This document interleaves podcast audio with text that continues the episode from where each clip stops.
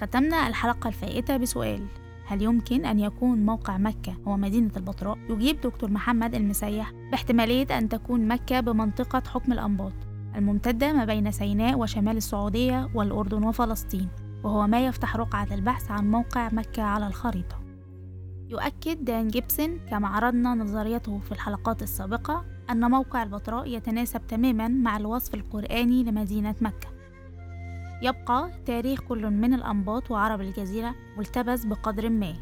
ونجد أن دكتور يوسف زيدان أطلق على اسم روايته النبطي ويفترض أن الرواية تؤرخ جزء من تاريخ العرب يتزامن مع دعوة النبي محمد والحالة السياسية والاجتماعية قبل دخول المسلمين مصر. مدينة البتراء نفسها كانت منفى نستور القس المسيحي الذي اتهم بالهرطقة في العقيدة المسيحية وهو بالفعل شخصية واقعية من التاريخ. وكان لها حضور وصدى هام في رواية عزازيل الرواية التي سبقت النبطي من كتابات يوسف زيدان. وحسب فلسفة زيدان نفسه في كتابه اللاهوت العربي يعتقد أن المسيحية العربية تحديدا بالشام عاشت صراع مع المسيحيات الأخرى بالأسكندرية وروما واليونان والقسطنطينية صراع مختلف عما جمع الآخرين فكانت عقائد أقرب إلى إنكار الثالوث المسيحي أو الهرطقة فيه. وهو ما يجعل الإسلام من وجهة نظره امتداد لمسيحية عربية مغيرة عن المعروفة بيننا الآن. وإن حتى رفض الإيمان بعقيدة الثالوث المسيحي يعد تأييدا لموقف المسيحية النصرانية التي نشأ بينها الإسلام. ربما كل هذه الرؤى والأطروحات الفكرية لدى زيدان متأثرة بشكل أو بآخر حول تلك النظريات الاستشراقية التي تحاول إعادة بناء تاريخ الإسلام وتفكيك علاقاته باليهودية والمسيحية. لكن هل كل ذلك يجعل من موقع مكة حقا مدينة البتراء؟ بالواقع لا. كما أن عدم وقوع مكة بالبتراء لا ينفي علاقة الإسلام نفسه بمملكة الأنباط. ربما تبقى احتمالية دكتور المسيح أن برقعة مملكة الأنباط نشأ الإسلام لها قدر من الوجاهة ولكنها ليست الاحتمالية الوحيدة.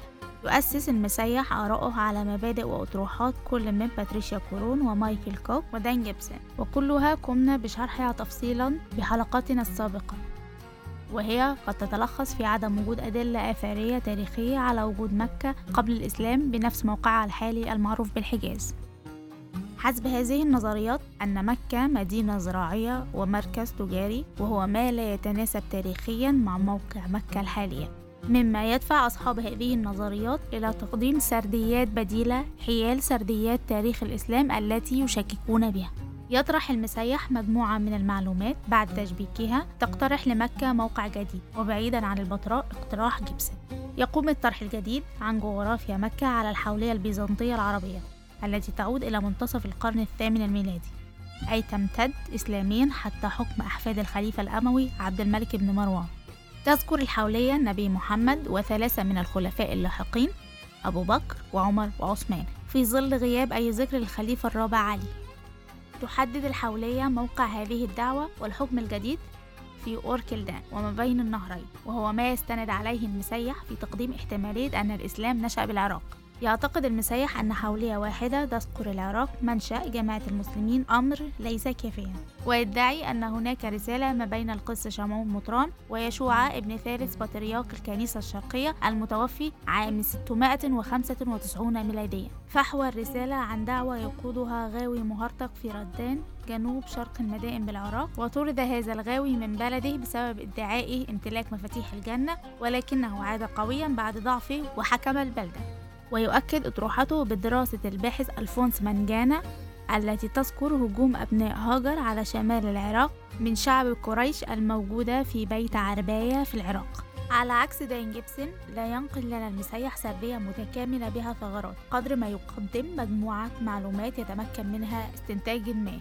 لكن تبقى نقود أحمد سعد زايد عقبة في طريق أي سردية من هذا النوع عن أن موقع مكة ليس موقع مكة الحالي. فصناعة سردية هكذا يبقى بحاجة إلى إجابة. وما يضر الإسلام إن نشأ بالأردن أو العراق. ولو افترضنا أي سبب أو حدوث مؤامرة فعلا تبقى القاعدة التي أرساها زايد مع سرديات مدرسة المراجعين عائقا أكبر. بما أن السرديات الكبرى تحتاج إلى حقائق كبرى ولا يمكن بناء سردية على إشارات واحتمالات ضعيفة لكن يجب الوضع بالاعتبار أن المسيح لم يقدم احتمالية وقوع مكة بالعراق. إلا على سبيل أنها احتمالية. فقد عبر صراحة عن رأيه أن مكة جزء من مناطق حكم الأنباط التي قد تكون بسيناء وربما فلسطين أو شمال السعودية أو الأردن. يعتبر المسيح أن عدم سماح المملكة العربية السعودية بعمل استكشافات ومسوح أثرية بمنطقة مكة والحجاز يعيق المسلمين عن معرفة الحقيقة حول تاريخهم. ورغم كون نظريات المراجعين مجرد نظريات إلا أننا نشهد تطورا جديدا مع مجموعات من الباحثين العرب. تحاول إعادة النبش والسرد في تاريخ الإسلام من جديد. يمكننا تحديد هذه المجموعات إلى قسمين قسم منها يدافع عن سرديات المراجعين كحامد عبد الصمد ومحمد المسيح وبدرجة أقل يوسف زيدان. وقسم آخر يعمل على إثبات عدم تماسكها كعدنان إبراهيم وأحمد سعد زايد وهو ما نجد له صدى مستمرا في حلقاتنا. جعل من هذه الأسماء ضيوف شبه دائمة معنا. تشارك بالتأييد أو الاعتراض وانتظرونا في مواضيع أشد جدلا وإثارة وحلقة جديدة من بودكاست تاريخ الإسلام.